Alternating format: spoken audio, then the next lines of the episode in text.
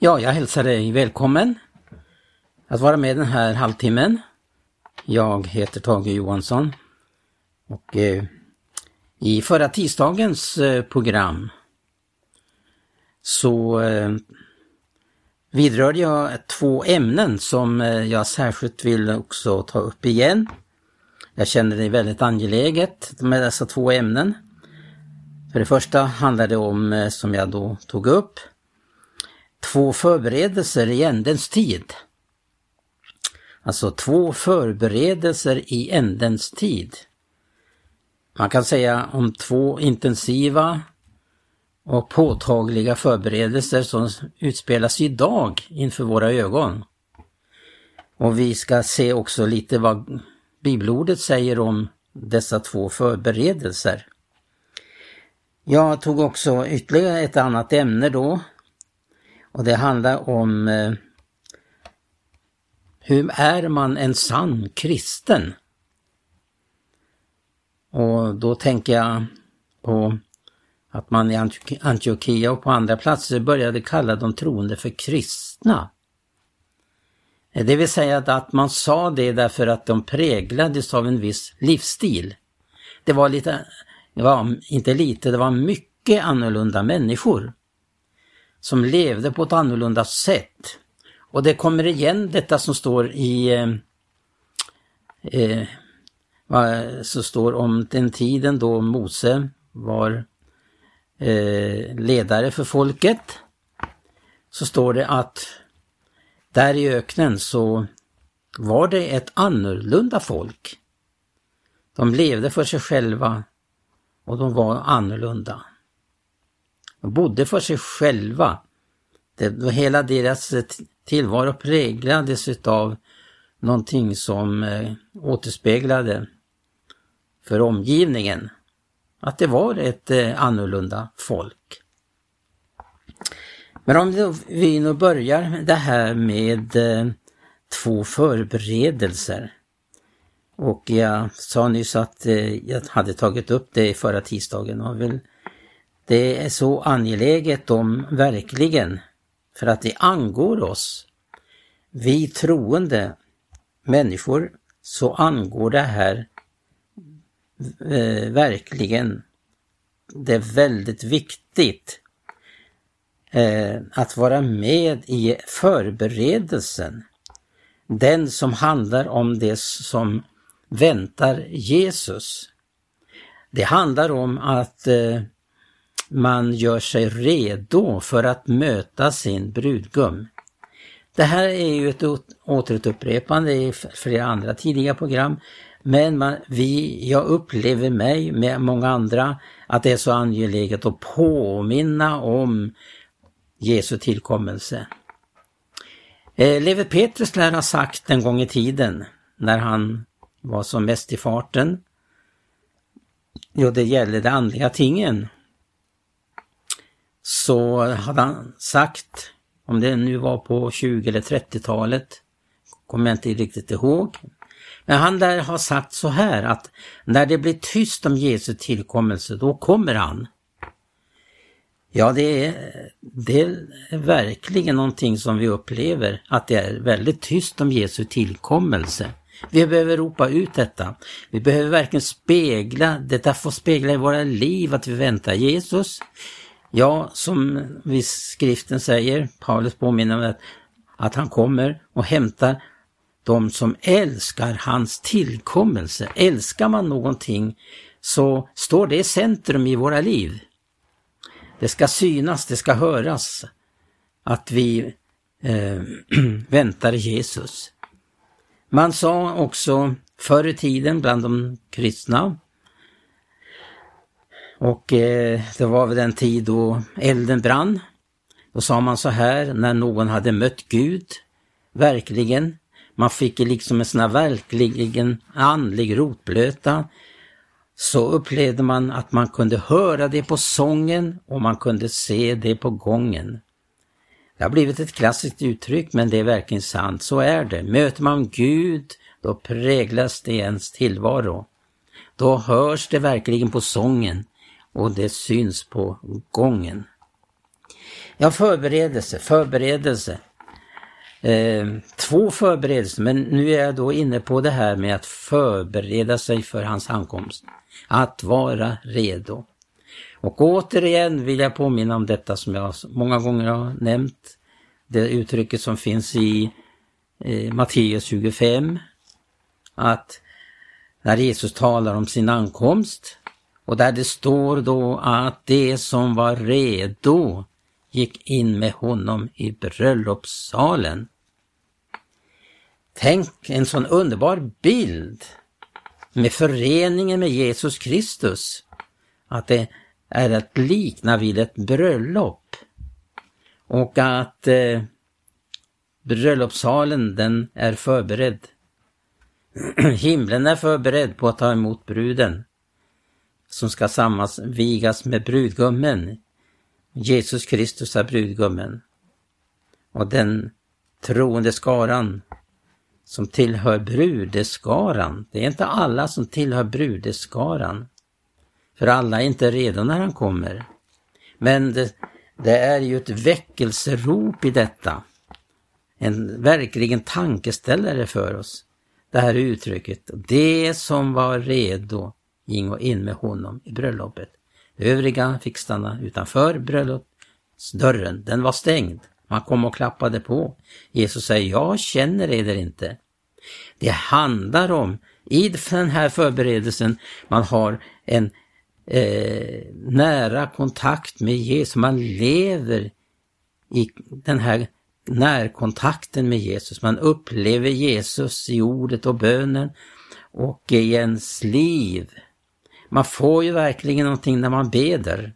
För därför sa Jesus det här till lärjungarna att eh, ni ska gå in i era kammare och bedja i det fördolda så ska Gud som ser i det fördolda vedergälla är det.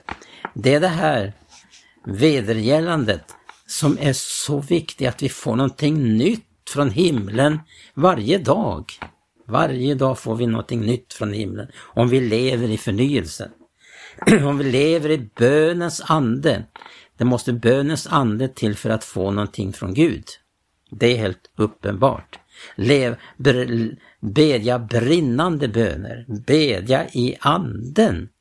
Jag kan inte umgå att eh, eh, ta med ett bibelord i Efesebrevet 6. Jag har så många gånger återkommit till det och jag vill göra det igen och igen. Därför att det säger så mycket. Och det talar om hur vi ska leva i en kontinuerlig förnyelse i den helige Ande. Ja, i Efesierbrevet 6, där det talas om vapenrustningen, och där så avslutas det här sammanhanget med eh, 18 versen.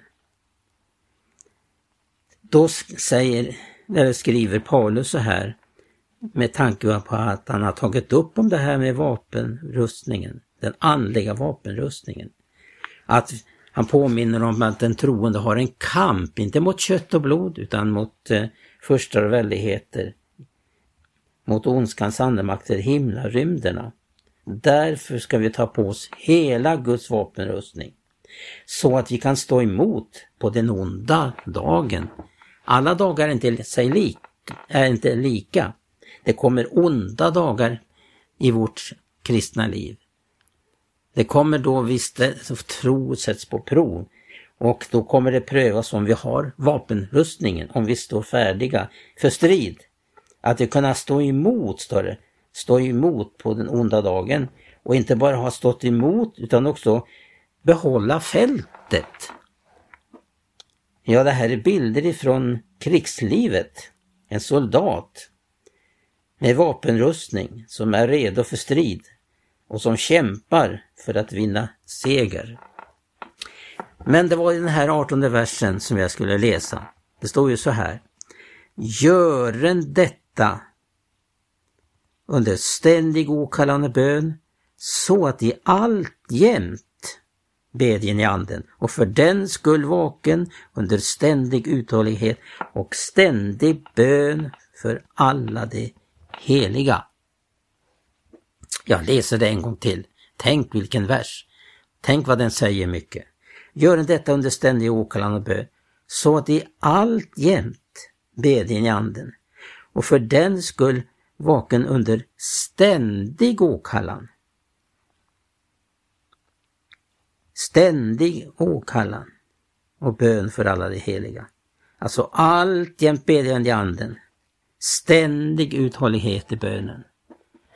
Och det här det, det handlar om att man verkligen ger sig hen till detta bibelord. Att man inte bara är ordets hörare utan dess görare. Jesus undervisar tydligt om detta, vad det innebär. Jakob tar upp det här, att inte bara vara ordets hörare utan, utan vara dess görare. Ja, förberedelsen, det, det handlar om att vara redo när Jesus kommer. Det är en förberedelse. Vi vet ju det att om vi ska gå till ett bröllop eller en begravning eller om vi, eller vi tänker oss en, en, en huvudtalare i en konferens. Han förbereder sig noga. Ja, det gäller det som ska sammanvigas i äktenskap. De förbereder sig väldigt noga, lång tid före. Planerar man, förbereder sig noga så att allting ska vara klart när bröllopsdagen är inne. Ja, tänk detta att snart är bröllopsdagen inne för bruden. Förberedelse, men det sker ju också en annan förberedelse i tiden som vi tydligt kan se och som också Bibeln kallar för födslovåndorna. Vi är inne i födslovåndorna.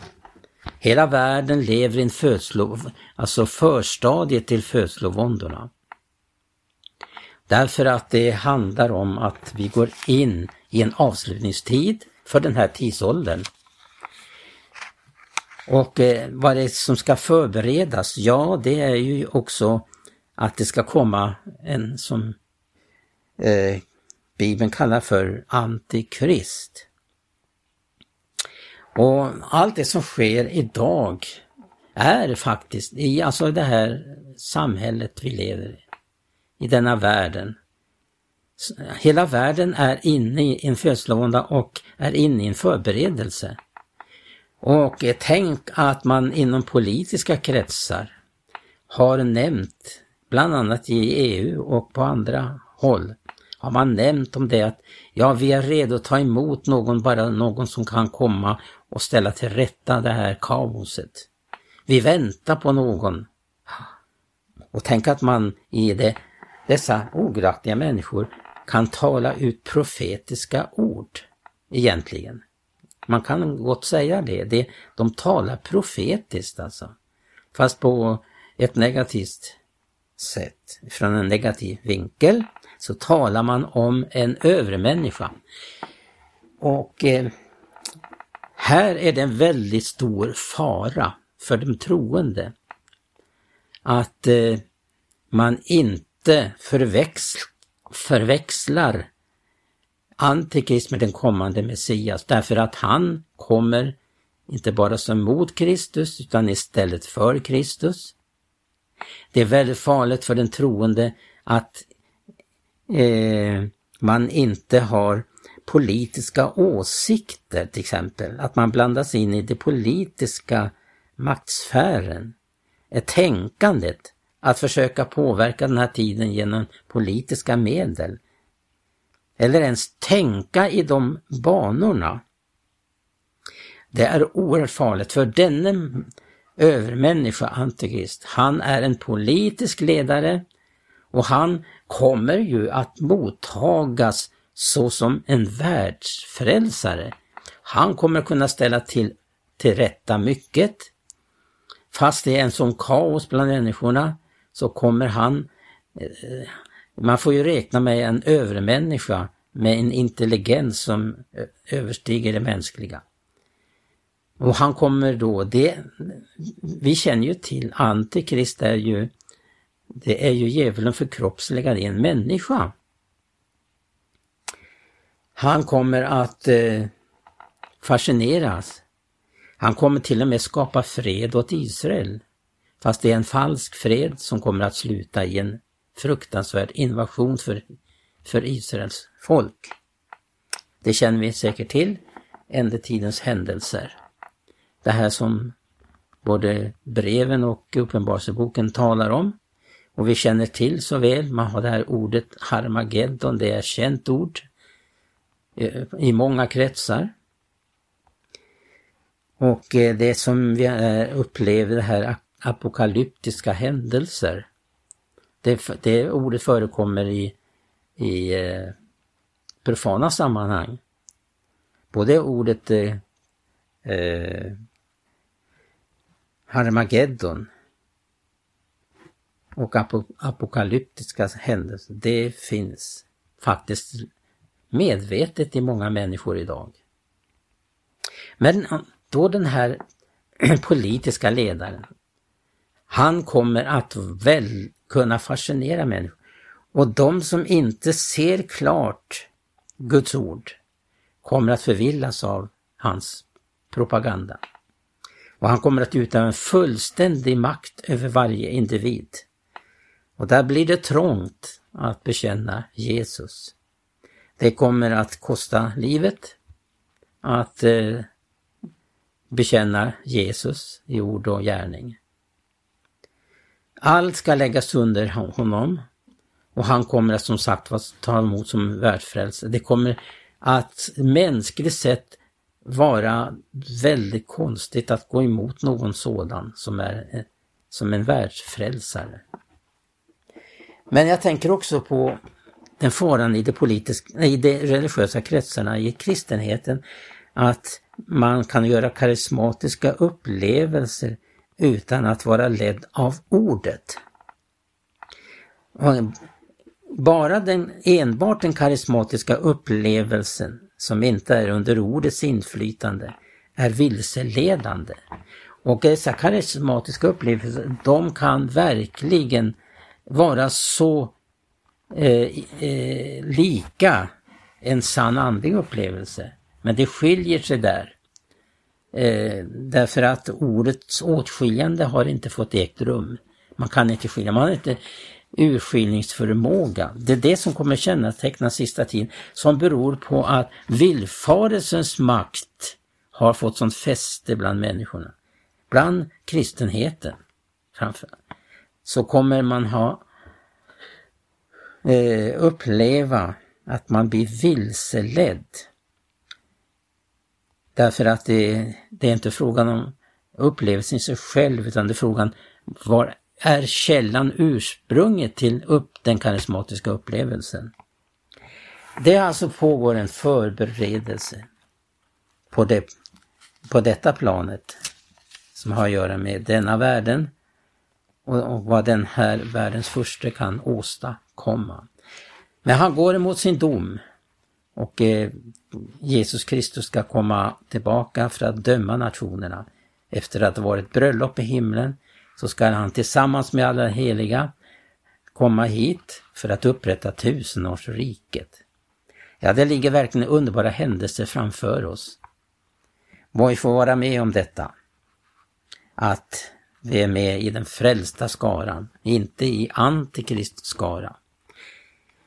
Ja, jag vill också nämna lite om då det andra ämnet jag tänkte på förutom den här förberedes, två förberedelser i ämnestid. Så det här som, vad är att vara en kristen och hur, hur är man en verklig kristen? Det som man börjar kalla dem först, i den första tiden, under apostlarnas tid, man kallar dem för kristna. Och det var många gånger ett eh, skällsord.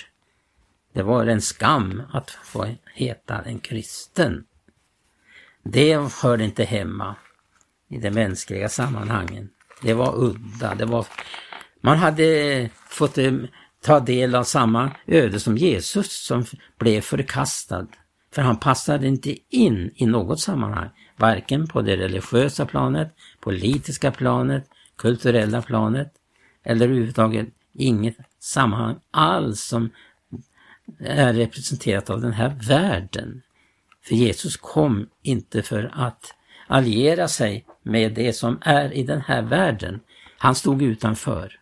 Därför uppmanas vi i Hebreerbrevet, vi ska stå utanför lägret och bära hans smärlek. Det var ett smärlek att erkänna det namnet och att förena sig med denne Jesus. Den hörnsten som blev förkastad av människor, aktad av människor, men är inför Gud en utvald och dyrbar hörnsten. Hur blev man då en kristen? Jo, det handlar om mycket, eh, en, ett mycket enkelt budskap ifrån Jesus. Eh, låt mig till exempel läsa några verser i Matteus 10. Jesus säger så här, och jag läser från 1917 års översättning. I skulle inte mena att jag har kommit för att sända frid på jorden. Jag har inte kommit för att sända frid utan svärd. Alltså ordets svärd, det som åtskiljer, som uppenbarar människans uppsåt och tankar. Vidare står det, ja, jag har kommit för att uppväcka söndring, så att sonen sätter sig upp mot sin fader och dotter mot sin moder, sonhustru mot sin svärmor och en var får sitt eget husfolk till fiende. Jag kan också läsa vidare att eh, Jesus han talade till människorna. Han kallade människorna till att bli hans efterföljare. Att be, befrias ifrån det som tillhör den här världen. Och eh, vi kan läsa till exempel att när han kallade människor så står det så här i Lukas 9 och 57. Medan det nu färdades fram på vägen sa någon till honom, jag vill följa dig varhelst du går. Då svarade Jesus honom, revarna har kulor, himlens fåglar har nästen, men Människosonen har ingen plats där han kan vila sitt huvud. Och till en annan sa han, följ mig. Denne svarade, tillställ mig att först gå bort och begrava min fader. Då sade han till honom, låt de döda begrava sina döda, men gå du åstad och förkunna Guds rike. Och åter en annan sade, jag vill följa dig Herre, men tillsted mig att först laga avsked av den som höra till mitt hus. Då svarade Jesus honom, ingen som ser sig tillbaka sedan han satt sin hand i plogen är skickad för Guds rike. Det var en stor revolution i detta.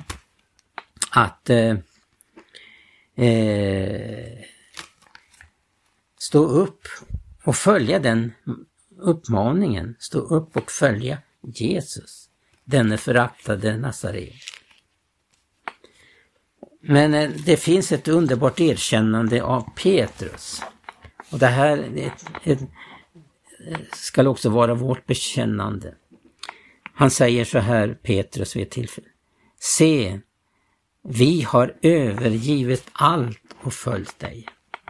Och det är frågan, kan det sägas om dig och mig? Har vi stått upp och följt Jesus? Har vi övergivit allt för honom? Därför att Gud vill uppenbara någonting annat än vad den här världen har att ge. För följer vi honom, söker vi Guds rike först, då kommer allt det andra att tillfalla. Det är att leva i det som tillfaller oss. Det är det som är att vara en sann kristen. Vi lever för Guds rike här i tiden. Vi ska personifiera i vårt liv Guds rike. Gud välsigna dig. Och vi beder för varandra. Vi tar med verkligen eh, var och en i förbön att bedja som vi läste för det heliga idag. Kampen är intensiv. Men se uppåt och var väntande. Jesus kommer mycket snart. Amen.